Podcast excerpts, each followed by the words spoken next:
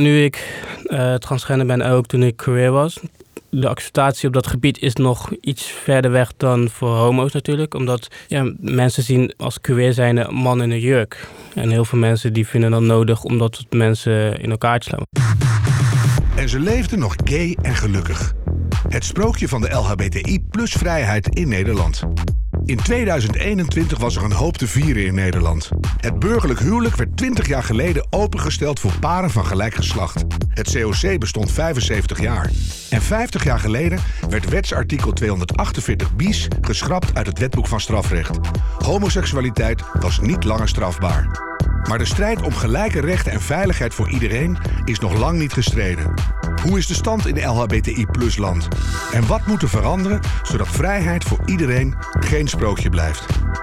In deze podcast praat ik met ervaringsdeskundigen over hun leven. Wat ging er goed, wat helemaal niet en wat kan en moet er beter voor de LHBTI-plussers in Nederland. Jelaya Jada van Gorkum, 23 jaar, student, geboren op Haiti, op haar derde geadopteerd door Nederlandse ouders, samen met een broertje en een zusje. Ja, klopt. Jelaya, welkom. Als er een uh, eh, LHBTI-letter bij jou past, welke zou dat zijn? Uh, op het moment is dat de T. De T? Ja. Van? Uh, transgender. Ja. En, en op het moment, want uh, dat klinkt van... Uh... Omdat het nog vrij recent is, zeg maar. Ik denk zo drie, vier weken geleden ben ik daar ook voor uitgekomen. En um, daarvoor zag ik me wel als queer, zeg maar. Echt wel al, omdat ik niet per se um, de typische mannen dingen deed, maar gewoon een mix van uh, met vrouwelijke en mannelijke in mezelf gewoon naar buiten bracht. Maar mm -hmm. later merkte ik toch wel dat er toch iets meer was. En als ik dan ook uh, naar mezelf keek, dat er toch iets dieper zat. En um, dus er lang over nagedacht, een aantal mensen gesproken. En tot de conclusie gekomen dat ik uh, toch wel als vrouw door het leven wil. Zeg maar. Ja, maar dat is een moeilijke zoektocht, denk ik. Ja, zeker. Want als je eenmaal bij het woordje queer bent aanbeland, daar past een heleboel onder. Ja. En dan kan je een beetje vrouwelijk, een beetje mannelijk en een beetje iets anders. Ja. Uh, je kan nog van pompoenen houden, maakt niet zoveel uit. En, ja. en, en, en wat was er dan in dat dat queer zijn wat niet genoeg was. Waar merkte je dat aan? De sterke feminine kant in mij. En um, ook als ik naar mezelf keek, naar mijn lichaam. Dat ik toch wel dacht van ja, dit is, dit is niet alleen de kleding. Het is niet alleen um, het haar. Het gaat verder. En ik ben natuurlijk uh, sporter. Dus je ziet een vrij mannelijk postuur. En je ziet veel uh, spieren. En, en dat ging dan ook een beetje zitten. En uiteindelijk toch wel dacht van ja, de vrouw zijn is dan toch wel echt wat bij mij uh, sterk naar boven kwam. Ja. En in het begin dacht ik natuurlijk, ja, het, misschien is het de fase. Omdat ik dat career side ook nog wel nog niet zo lang um, naar buiten bracht. Mm -hmm. Maar dat groeide met de dag steeds meer. En echt dacht, letterlijk ja, met de dag? Ja, echt gewoon. En het werd steeds sterker dat ik wel dacht van ja, dit is wel het laatste puzzelstukje naar de zoektocht naar wie ik echt ben, zeg maar. Ja, vind ik in dit geval ook wel een hele passende beeldspraak. Ja. Want het zijn echt puzzelstukjes die je bij elkaar gespaard hebt. Heb je eerst onder een andere paraplu gegooid. En toen dacht je, nou, dat klopt nog niet, moet nog een stukje bij. Ja. Ja, oh mooi. Hey, um, je zegt atleet. Um, als je dat nou vergelijkt met, met het begin van je leven. Hè? Je hoort heel vaak wel bij transpersonen. Van uh, ja, als, als uh, kind van drie had ik al een signaal. Of toen ik acht was, gebeurde er al iets. Of het zit soms helemaal door die levens heen, soms helemaal niet. Uh, had jij ook van die, van die momenten dat je dacht van hé, hey, er was al van alles aan de hand. Maar toen ben ik maar heel hard gaan sporten, bijvoorbeeld. En toen was het niet meer zo belangrijk. Ja, ik denk um, natuurlijk als je jonger bent dat iedereen wel een fase heeft dat hij van jurk houdt. En ik heb mijn zusje altijd verkleed, verkleed in, in jurken. En, uh, de trouwhakken van mijn moeder, die waren goud. Ja, en uh, onze oudere zus, uh, die had dan een oude jurken, die kregen wij altijd. Dus ik denk niet dat dat direct een signaal was. Maar rond met 12, 13 dat je BG'tje jezelf begint te zoeken, hmm. te ontdekken en dingen ook iets beter begint te snappen, begon dat wel een beetje op te zetten. En ook dat ik. Ik weet nog dat ik als kind wel eens een droom had dat ik wakker werd als meisje. En wakker werd en dat niet was. En daar echt een soort van verdrietig om was. Maar destijds maakte dat, was dat totaal niet logisch. En ja. uh, dacht van, waarom ben ik nu verdrietig dat ik niet wakker ben geworden als een meisje? En, en omdat het heel onbekend was, top je dat een beetje weg van. Ah, ja. Het is een beetje gekkigheid, weet je. Maar het is wel een prachtig signaal ook, ja. toch? Want dan droomde je van, van iets en dan werd je wakker en denk je, ik ben geen meisje. Ja. Oh. Ja. Heel bijzonder eigenlijk ja, ook. Ja, en echt gewoon een diepe teleurstelling dat dat niet zo, ja. dat het niet werkelijk was. Ja. Dat is wel, maar al die jaren eigenlijk een soort van genegeerd en gewoon gedacht van ja, het is maar, het is, ik weet niet wat het is, maar mijn hoofd speelt spelletjes met me natuurlijk. En dan ga je gewoon verder. Daar kan je ook makkelijk overheen stappen Ja. dan in eerste instantie. Ja. Maar dat is dan in eerste instantie en later ja, niet. Later niet natuurlijk. En ik denk ook dat natuurlijk het, het eerste uitkomen voor eh gay zijnde, dat dat een deur was naar alles, zeg maar. Dus je opent een deur en daarbij open je alle deuren, waardoor je op een soort van ontdekkingsreis gaat. Zeg. Ja. En dan Maar dat is de deur die dichtstbij je is waarschijnlijk. Gay had je nog wel eens van gehoord. En je, nou, dan doe ik die maar open. Ja, dan heb ik dat tenminste een stap gezet. ja, Ja. precies. Jeetje. En toen ging je sporten. Hoe oud was, was je toen? Ja, ik moet zeggen, ik sport al heel mijn leven door. Echt heel veel sporten gedaan. eh, en uiteindelijk weer, mm, toen ik jong was, heb ik ook atletiek gedaan. Uiteindelijk ben ik gestopt omdat je als kind zijn alleen maar spelletjes deed. en ik wilde wel serieus... eh, Medailles winnen. Ja, dus eh, heel veel sporten tussendoor gedaan. En 14, eh 13, 14 begon ik weer met sport. Met atletiek dan. Mhm. En ehm, ja, dat ging best wel lekker. Ja, nou, ging heel lekker. Ja, dus ehm, dat... je bent echt supergoed, toch? Ja, ik, om, ik wilde mezelf niet super goed noemen, maar ik heb wel mooie dingen gedaan in mijn acht jaar eh, atletiek, zeg maar. Ja, maar je zit wel in de, in de top van Nederland rond te rennen. Ja, Ja, dat is nogal wat. ja. En is dat, het is natuurlijk aan de ene kant voor je, voor je sportkant en je prestatiekant is het heel bijzonder en goed en leuk, kan je aan vasthouden. Maar dat is voor al die deuren die je wil openzetten, denk ik weer een hele lastige. Ja, dat is natuurlijk wel een lastige. En ook omdat ehm, de sportwereld ook nog wel wat achterloopt op de acceptatie daarvan natuurlijk. Ja. Natuurlijk als homo zijnde is dat makkelijker. Want ja, je, je kan gewoon jezelf zijn. En ehm, natuurlijk heb je een soort van nog wel een beeld van een sportman is een echte man. Dus die kan niet dit en dat. En dan Mm. heb je soms die ouderwetse gedachten. Maar als het gaat om transgender zijn, is dat natuurlijk een heel ander ding. Ja, daar moeten we het zo maar over hebben. Maar dat was voor jou om, om eh, van die eh, verdrietige wakkerwordmomenten eh echt een, een ding in je hoofd te maken. Was dat lastig omdat je gewoon aan het trainen was en, en je had natuurlijk een heel leven. En dan kom je daar niet aan toe. Ja, dat, eigenlijk denk ik ook dat dat wat langer heeft geduurd. Ik ben natuurlijk 23 toen ik sowieso voor uitkwam, voor alles, zeg maar. Natuurlijk door ging die tijd met school en sport. Dan, dan denk je wel soms over na. Maar voor mezelf was het heel erg ook... Ik, ik als kind was sowieso echt wel op zoek naar wie ik was. Ook natuurlijk, ik, heb, ben geadopteerd. Dus je zoekt soort van iets in, ehm, in je omgeving. Wat natuurlijk ook mijn zusje wel. Dat kon ik echt wel... Ja. Dat was ik ook heel blij mee. Aha. Maar je kijkt verder. En ik als kind was er wel echt op zoek naar. En ik denk dat dat iets dominant was in het begin. Dit had zoek- jij sowieso al, hè? Ja, Dus je, je komt uit Tahiti hier naartoe en dan, dan, dan heb je al een zoektocht. ja, precies. Dus en dan, ja, dat is eigenlijk wel genoeg. Ja, en dat was, een, dat was dan iets dominant in mijn jeugd, zeg maar. En ik had ook erg, omdat ik op mijn basisschool, middelbare school, ook was gespest was door mijn kleur, dat ik ook had van, ik wil niet een extra target mezelf plakken. Zo kan je het wel noemen. Ja. ja, dus Ja. dat was, omdat het natuurlijk heel moeilijk was, omdat je al opvalt qua kleur, was het wel voor mij, ja, dat ga niet, genoeg. nu Ja. nog niet erbij doen. Nee, dat snap ik heel goed. En niet eens bewust waarschijnlijk, maar onbewust werkt Om- dat zeker zo. Ja, onbewust werkt het. Hoe, hoe werd er thuis op gereageerd? Want ineens kom jij, eh, heb je als eerste verteld dat je gay was? Of hoe, hoe ging ja, het? ik heb mijn oudste zus gebeld en daar gewoon verteld van, ja, dit is Hallo. hoe het zit. En Hoe ging ik, dat? ik had, ik had een, ook een vriend, dus dat was ook iets makkelijker, denk ik. Dat je dan, ja, je kunt gewoon zeggen dat je al iemand hebt, zeg maar. En Ja. uit de kast komen met iemand die daarbij achter staat en jou daarin Helpt wel, hè? Helpt wel. En dat je in je eentje staat daar Ja. in de telefooncel. Ja, precies. Met Dus, twee kwartjes. Ja, hm. dus eh, ja, mijn zus reageerde gewoon heel positief. ja, maar het was meteen goed. Ja, ook omdat eh, mijn, mijn moeder was vorig jaar overleden, 2020. Hm. En ehm, ik wist dat bij mijn moeder was het zo makkelijk geweest. Wel. Ja. Dus het was niet zo van stiekem, eh, nou ja, mijn moeder is niet meer, nu is het makkelijker. Nee. Dat had niet uitgemaakt. Nee, zeker niet. Oh, want ik nee. wist, mijn moeder heeft door helemaal jeugd gezegd, maakt niet uit wie je bent, onvoorwaardelijke liefde Ja. en alles. Dus, en mijn oudste zus, die lijkt qua persoon heel veel op mijn moeder. Dus dat was ook mijn keuze van, ik ga haar als eerste bellen. Mhm. Qua gedrag lijkt ze heel veel op mijn moeder. Dus daar voelde ik me het meest Ja. veilig bij, zeg maar. Zo moet zeggen. Ja. Zij is wel een beetje zoals mijn moeder. Dus ik ga het haar eerst vertellen. Dat durf ik wel aan. Ja. ja, dat viel goed. Ja. En toen de rest van je omgeving? Uiteindelijk heeft zij het tegen mijn andere zus verteld. Ik heb mijn kleine zusje wel verteld. Ja. En heeft zij ook mijn vader gebeld. Omdat dat was wel, ze vroeg aan mij toen aan de telefoon... ehm, wil jij zelf papa bellen of zal ik papa bellen? En toen zei ik, bel jij papa maar.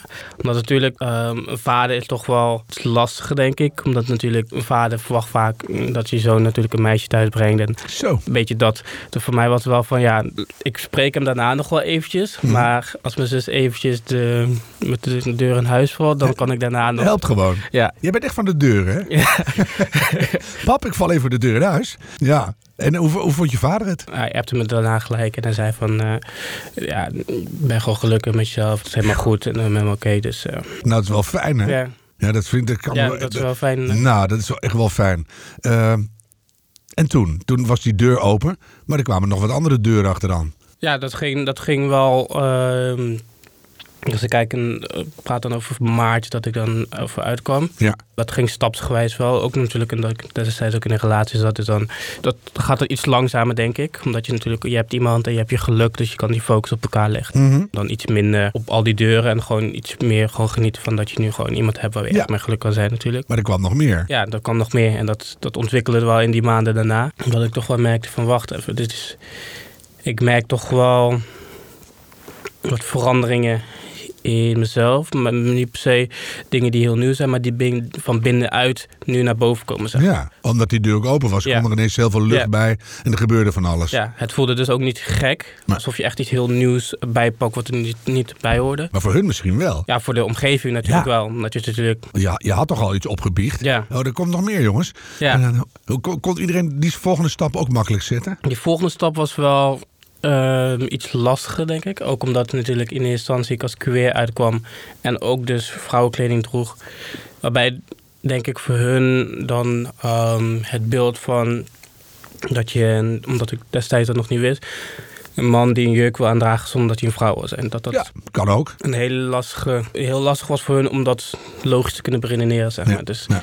Dat merkte ik wel dat dat, ehm, dat wat, even wat lastiger was. Hm. En ehm, ik zeggen, mijn oudste zus dan weer niet. Maar natuurlijk, eh, maar die had me daarna ook nog even opgebeld. Nou, wat even verkeerd is in de familie, dat het niet helemaal lekker ging. Dacht zij, ik ga even bellen. Er is een goed gesprek over gehad. Hm. Maar bij de rest was het wel een beetje nog, in het begin nog even lastig, natuurlijk. Maar ook zo, wat nu weer? Ja, Ah, het, houdt, ja, het houdt nooit op met haar.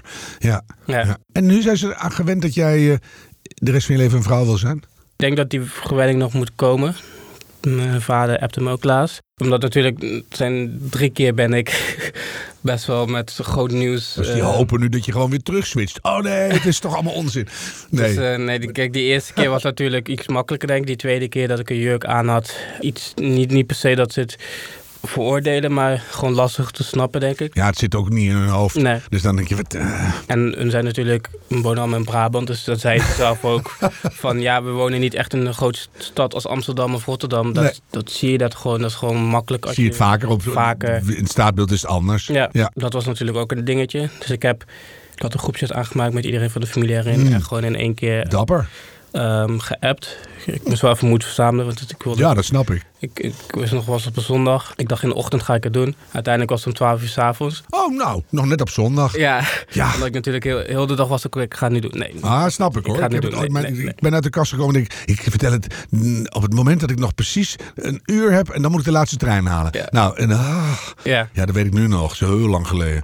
Ja, maar je hebt het wel gedaan. ja, ik heb het gedaan. En, en het is nu in, in ontwikkeling in, in je familie. Ja, dus eh, Ze zijn ermee bezig. ik, ik heb het een paar weken geleden natuurlijk gezegd. Cash was de eerste keer ook dat ik dan ook hun zag. Met een grote verandering natuurlijk. Ja. En dat ging ook wel gewoon prima. En eh oud en nieuw dan nog een keer. Dus het is, het is nog wel vers. eh, maar we zitten wel op de goede weg. Zeg maar. Goed gevoel? ja zeker. Opluchting? Ja. Ik kan me zo goed voorstellen. Ja, niet echt, maar wel. Want dat moet een enorm pak van je hart zijn. Dat je ook dat laatste puzzelstukje Ja. een plek hebt kunnen geven. Ja, en natuurlijk het, een puzzelstukje dat heel veel gaat veranderen in, Een heel groot stuk. Ja, denk ik dat dat al de 50% van de hele puzzel is, zeg maar, Ja, ook precies. verandering. Je staat gewoon de verkeerde puzzel te maken. Ja, Ja, verdorie. En, en dan denk ik meteen, en nou die atletiekcarrière. ja, dat is natuurlijk een dingetje. Dat je tegelijkertijd. Dan eh, krijg je dat gezeur, want je, je hebt een Olympische droom. Dat zou toch echt geweldig zijn. En de hele natie juicht. Maar ja, dan krijg je dat gezeur van eh, testosteronlevels. En eh, hoe, hoe werkt het allemaal? Ben je daarmee bezig nu? Of denk je, Ehm, we zien het wel. Ik heb sowieso dat ik voor mezelf ook in die periode dat ik ook over na denken, een, een pauze gezet in mijn atletiekcarrière. Gewoon even mezelf de tijd te geven om te ontdekken wat het nou precies is. Ja, verstandig. Ja, en naast dat zat ik ook met wat gezondheidsproblemen. Dat ik sowieso rustig aan moest doen. Dat ik sowieso dacht van dit is wel even een goed moment om daar ook even een pauze in te zetten. Ja. Misschien Eh, ga ik wel hele andere dingen vinden ja. en voelen als je Ja. met jezelf eh, in zo'n ontwikkeltraject zit. Ja, Dat je denkt van nou, we zien het wel. ja, en naast dat weet ik ook niet of ik... Want ik ben natuurlijk dan de eerste binnen de atletiek. En of ik al die aandacht op me gaan willen, zeg maar. Want ik weet wel dat dat het heel veel aandacht gaat brengen. Krijg je en dat weer? Misschien zelfs media-aandacht. En Nou, dat laat dat zelfs er maar af. Ja, dat, Of je moet het strikt geheim houden. ja, dat media-aandacht gaat er tussenbij komen. Nee, maar dan kom je uit voor Bulgarije. Dan ver- dan verander je ook nog je nationaliteit. Ja. Want je bent nou toch aan het veranderen. En dan eh, een, nieuwe ster uit Bulgarije. En dan, eh, ja. Nee, ik snap precies wat je zegt. Ja. Wat een gedoe. Nou, dat daar kom je vanzelf wel uit, toch? Ja. Maar ik denk dat als je echt eh, nu, nu dat, dat stukje op de goede plek hebt en, en dat, hele, dat hele proces op gang brengt, ja, dan, dan kan het toch niet anders. Nee, zeker waar. Dus dat is het, misschien wel het mooiste wat je in je leven gaat doen. Zie je er tegenop ook? Maar ik moet zeggen, ik heb, ik heb er wel de aandacht gegeven. Maar omdat ik nu ook wel die carrière even op pauze heb gezet. En over een half jaar wil kijken of ik ermee door wil gaan. Mhm. Ik van, laat ik nu nog niet te veel bezig zijn met dat. Maar nu met hetgeen wat op het moment gaat veranderen. First things first. First things first. Ja, inderdaad. ik snap het. En mocht ik ooit door willen gaan, dan, dan gaan we vlak daarvoor even nadenken van willen we dit en gaan we, gaan we al die media aandacht naar mezelf toe Nou, brengen misschien natuurlijk. vind je dat dan wel oké. Ja, misschien wel, misschien niet. ben je gemotiveerder dan ooit. Ja, En als je te veel journalisten achter je hebt, dan ren je harder. ja, zeker. Weet ik uit ervaring. Ja. Hey, ehm, nou, nou heb je eh, begin van vorig jaar eh, de eerste deur geopend. Heb jij nou het gevoel al dat die wereld om je heen veilig genoeg is om dat in te doen? Want daar willen we het ook echt over hebben. Hè? Van, hoe, hoe is die vrijheid in Nederland? Kan je dat allemaal maar gewoon doen? Nou, je kan het wel doen natuurlijk. Het is niet iemand die je gelijk tegenhoudt. Of Mhm. dat je gelijk een groep mensen voor je deur hebt. En bij je adres eh, staat schreeuwen van gelukkig niet. Maar je, je zei al, vroeger ben ik wel gepest door mijn huidskleur, mijn afkomst. En, en nou, dus je weet wel een beetje wat het is om discriminatie te voelen. Ja. Of om angst te voelen misschien wel. Ja, ik weet wel hoe het is natuurlijk. Ik ben gelukkig een paar jaar terug verhuisd naar Rotterdam. En eh, ook eh, een tijdje toen met mijn vriend in Amsterdam gewoond. En ik moet zeggen, in dat soort steden is het makkelijker. Want je, je voelt je niet alleen. En het is bijna om te zeggen, als je normaal bent in Amsterdam... dan val je meer op dan als je jezelf bent op een leuke, creatieve manier. Ja, ook niet op alle plekken, maar ik nee, wat je zeker. Als je, ja, zeker waar. Ja. Kijk, Heb je natuurlijk. wel eens in de knel gezeten dat je dacht van, oh, hier wil ik niet zijn nu, zeker niet met mijn vriend? Nee, hebben we eigenlijk nooit gehad. Alleen Eindhoven wel. Dat vond ik eigenlijk ook wel gek. Omdat Eindhoven is op zich gewoon een grote stad. Ergens ook wel best wel multicultureel, maar heel anders. Want we op, als we op straat liepen door de stad, werden we door iedereen aangestaard. Nog gestaard, maar niet gescholden of niet. eh, Nou, we hadden één keer wel een conflict. Dat iemand ons lang aanstaarde. En echt gewoon een hele nek omdraaide om ons aan te kijken. En eh, wij beiden hadden wel iets van, als je ons aankijkt, ben ik wel benieuwd waarom je kijkt. Dus wij zeiden van, is er wat te zien? Valt er iets te zien? Ik bedoel, Ja, ik ja. loop je ook in, gewoon eh, door de stad. En die persoon had al gelijk, gelijk een grote mond. Maar in die situatie eh, was het blaf voor de honden bijten niet. Want hij had een hele grote mond. Maar, en hij zei, ja, ik ga je slaan in elkaar slaan, dit en Oh, dat. bla, bla? Maar je kon gewoon heel aan die hele die houding zien dat er niks ging gebeuren. Dus het was ook niet bang. Want op het moment dat hij het zei, liep hij achteruit. Dus Ah, ja. ik dacht van, ja, Oh. je, je probeert een bedreiging naar mij te zijn. Maar jij creëert alleen maar afstand. En destijds was ik, dat was wel het grappige natuurlijk. Ik had, ik had wel paars haar en lang haar.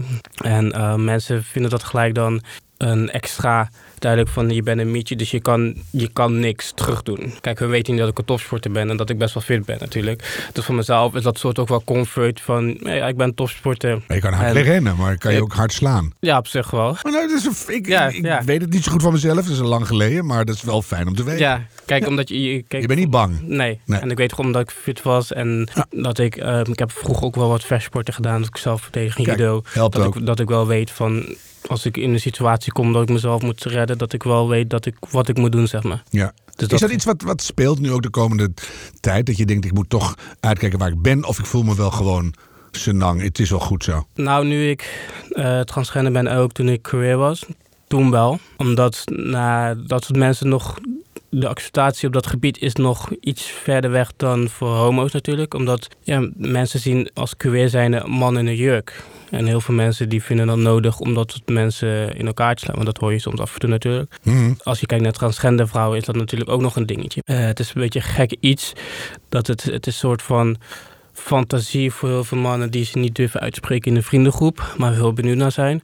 Maar om zo'n fantasie te kunnen verbergen, zijn ze bereid tot heel veel dingen natuurlijk. En Fantasie in de zin van, ze vinden transgender personen, ook transgender vrouwen, vinden ze ook spannend. ja, Seksueel spannend. ja, Ja. ook als je kijkt wereldwijd, want ik, ik volg dat wel eens, dat gewoon wereldwijd nog steeds heel veel transgender vrouwen worden vermoord. ja. En dat is toch wel dat je dan wel denkt van kijk, Nederland is dat misschien niet zo dat we worden vermoord. Maar er zijn natuurlijk wel groepen die die wel bereid zijn om, om je gewoon in elkaar te slaan. Of dat soort Nou dingen. ja, of dat, op die, op die, op dat, in dat spanningsveld te gaan zitten. En dan kan het de ene kant op gaan. Of de andere kant. Ja. Of alle tweede kanten. Ja. En dat, daar wil je niet in terechtkomen. Nee, zeker. Nee. En dat ik wel weet van oké, er zijn natuurlijk wel. Amsterdam is natuurlijk een vrije stad, maar je hebt natuurlijk wel bepaalde buurten dat je van ja, dat ga ik dan, daar ga ik dan niet rondlopen. Op Nee. zich, mijn voordeel was wel dat ik eigenlijk altijd wel als vrouw word aangesproken. Ook vroeger. Dat helpt wel, hè, denk ik. Ja, dat Ze niet helpt wel. heel denken, wat is een man met een pruik? Of het is een... Nee, ze zien jou gewoon als vrouw. Ja, dus Nu overal waar ik kom Ja. werd ik dus als vrouw aangesproken. Dat was vroeger ook al, omdat ik vroeger ook al wat lange haar had. Ja. Ehm, was er altijd wel als vrouw aangesproken. Dus dat is voor mij gewoon makkelijk. Dat Ja. ik daarin gewoon vrij op straat kan lopen. Mhm. Maar je maakt je wel zorgen, Ja, want als je, omdat je soms, als je kijkt natuurlijk, als je praat, dan zie je, dan, dan hoor je het. En dan, dan is het te zien. Nou, je hebt wel vrouwen met een zware stem ook. Ja, zeker. Maar Maar, je hebt niet, je hebt niet mijn stem. Dus Nee, dat, dat nee. scheelt weer. Dus, maar soms zie je wel bij mensen dan, als ik wat zeg, dan, oh wacht, er ligt de twijfel. Ja. natuurlijk dat is het alleen- verschil, denk ik nu. Want het is een podcast. Dat eh, mensen die nu luisteren, die horen jouw stem. En die zien jou er niet bij. En eh, zeg eens wat terwijl ik mijn ogen dicht doe. Eh, ja, eh, ik weet niet wat, precies wat ik moet zeggen. Nou, dit is al, dit ja? is al wat. Ja? Ja, want dan, dan is het eerder richting de mannenkant dat als ik jou zie nu. Je bent een hele mooie vrouw om te zien. Dus, en dan is die stem, die past eigenlijk heel goed bij je. Grappig. Ja. Ja, dus ik, ja. Hey, die wereld waar jij in gaat rondlopen als vrouw. ehm, eh, geeft die genoeg vrijheid? Moeten we daar eh, op gaan passen met elkaar? Moet die community in actie komen? Wat moet er gebeuren? Ik denk zeker wel nog dat er veel aandacht voor nodig is.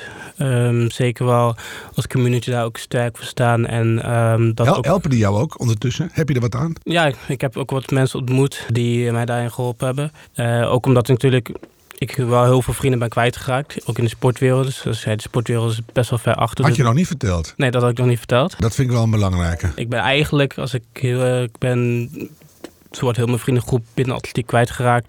Gewoon mensen die eh, nadat het bericht gewoon me ontvolgd hebben. En als ik ze tegenkom, ben ik lucht voor ze. Hoe is dat mogelijk? Ja, en sommige mensen ken ik echt al een, een tijdje.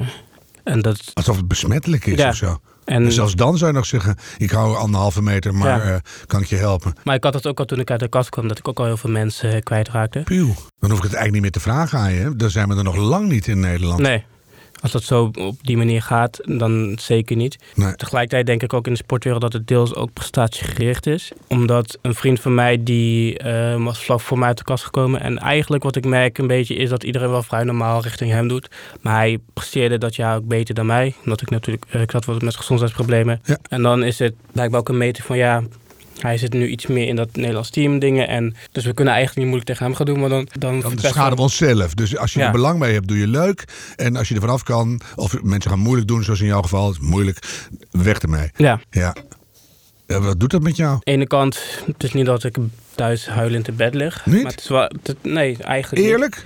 Nee, omdat ik, ik ben sowieso wel gewend vroeger ook dat, dat ik dat vriendschappen een houdbaarheid laten mee hebben. En ehm, dat ik altijd wel ehm, in mijn jeugd nooit echt eh, vrienden heb gehad die echt bij je blijven voor altijd. Hm. En voor mij was het dus wel. Paste bij de rest.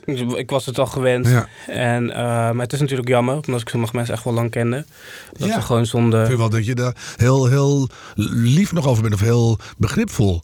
Lijkt me, ik, ik zou daar wel van huilend wakker worden of huilend in mijn bed liggen, denk ik. Nou, het is, het is dat ik voor mezelf heb van ik ga niet meer energie aan hun verspillen. Zeg. Is het ook zelfbescherming? Dat je denkt, ik, ik heb nu genoeg op mijn bord. Ik richt me nu ook op mezelf, want ik heb genoeg te doen de komende maanden. Ja, dat, dat denk ik ook. En, maar het is, het is wel heel treurig stemmen, Ja. toch?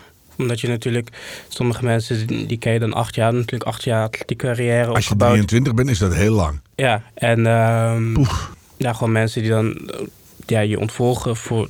Dan denk ik van ja, Ja, wat zou je tegen ze willen zeggen? Eigenlijk gewoon van dat je, als je dan doet, en als jij besluit dat ik niet meer waardig ben voor die vriendschap, kom het dan tenminste in mijn gezicht zeggen. Kom dan, dan, dan vind ik, dan vind ik, heb ik nog meer respect voor je dan dat je gewoon kiest van je ziet dat bericht, ontvolg je en je laat nooit meer iets van je horen. Zeg maar. Dus, Ik kan, ik kan er niet bij hoor. Ik zou tegen al die leuke sporters willen zeggen: grow up en worden ze mens. ja, dat- Word je waarschijnlijk ook een betere atleet. ja, absoluut. Jeetje. Nou, we moeten er, erop letten met z'n allen dat er, dat er eh, veel aandacht komt voor transpersonen. En ook eh, dat, die, dat die maatschappij veilig genoeg is om echt onszelf Ja. te kunnen zijn. Heb jij, maak je je ongerust of boos over de toekomst? Of valt het mee? Nou, niet per se ongerust over de toekomst.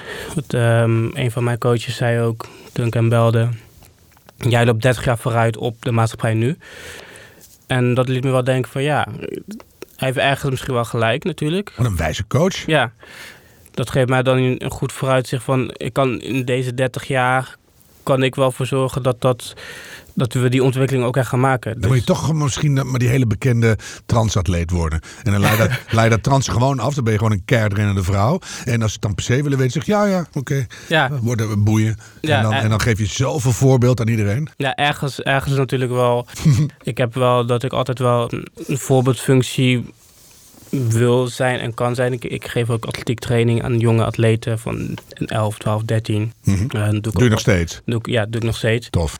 Ja, wat goed kan je ook brengen als je naast dat ook een voorbeeld bent op een ander gebied voor jonge mensen die daar natuurlijk moeite mee hebben. Ja, nou ja, en dat het leven ook niet altijd is wat je denkt dat het is. Nee. Of wat je domweg ziet. Er zijn altijd andere kanten en er is altijd meer te koop. En het is ook juist zo mooi aan het leven. Ja, Dat, het- dat het ontwikkelt en dat Ja. het groeit. Ja, nou, wat leuk als je dat gaat doen. Doe dat dan maar gewoon. Zullen we het afspreken? Jelaya, dankjewel graag voor het mooie gesprek. Heb ik, eh, heb ik iets, ben ik iets vergeten? Wil je nog iets toevoegen? Nee, ik denk het niet. Ik denk dat we, ja, wat duidelijk is dat we nog, we zijn al ver natuurlijk. Als we kijken naar vroeger. Ook voor de mensen zou ik ook altijd zeggen, kijk een serie Post. Ik weet niet of je Post kent op Netflix. Dat is echt wel een goede serie voor mensen om een duidelijk beeld te krijgen over de hele LGBTQ community. En ik zeg, ik zeg altijd eh, Ik spel hem even. hè. P-O-S-E. Ja. Poos. Ga die serie kijken. Zo mooie serie. Oh, Ja, en ik moest wel heel veel tranen wegpinken hoor. Ja, zeker. Wat is dat goed gespeeld. Ja, En wat een mooie vrouwen en mannen. en dat is ook echt wel... Want heel veel mensen hebben natuurlijk een uitgesproken mening zonder kennis. En als je die serie kijkt... Ik Dat is geloof- makkelijker. Als je geen kennis hebt, is het veel makkelijker. Dat is makkelijker, maar ik denk wel dat dat soort series wel heel veel... Die breken overal doorheen. Ja, en die kunnen Ja. wel minden omzetten. En ik zou zelf zeggen dat het moet een soort van lesmateriaal zijn op scholen. Wat een goede tip. Ja, Dankjewel voor dit mooie gesprek. graag gedaan. En ze leefde nog gay en gelukkig. Het sprookje van de LHBTI plus vrijheid in Nederland is een podcast van Harm Edens en Merel van der Merendonk. Techniek, montage en adviezen Jacob de Vries. Sounddesign en audio nabewerking Hens Zimmerman. Met dank aan Harm Wesselink en Maarten Westerveen. Wil je niets missen van onze podcast? Abonneer je dan. Vind je gay en gelukkig de moeite waard? Schrijf dan een recensie of geef ons meteen 5 sterren. Dan kunnen anderen deze podcast beter vinden. Dankjewel.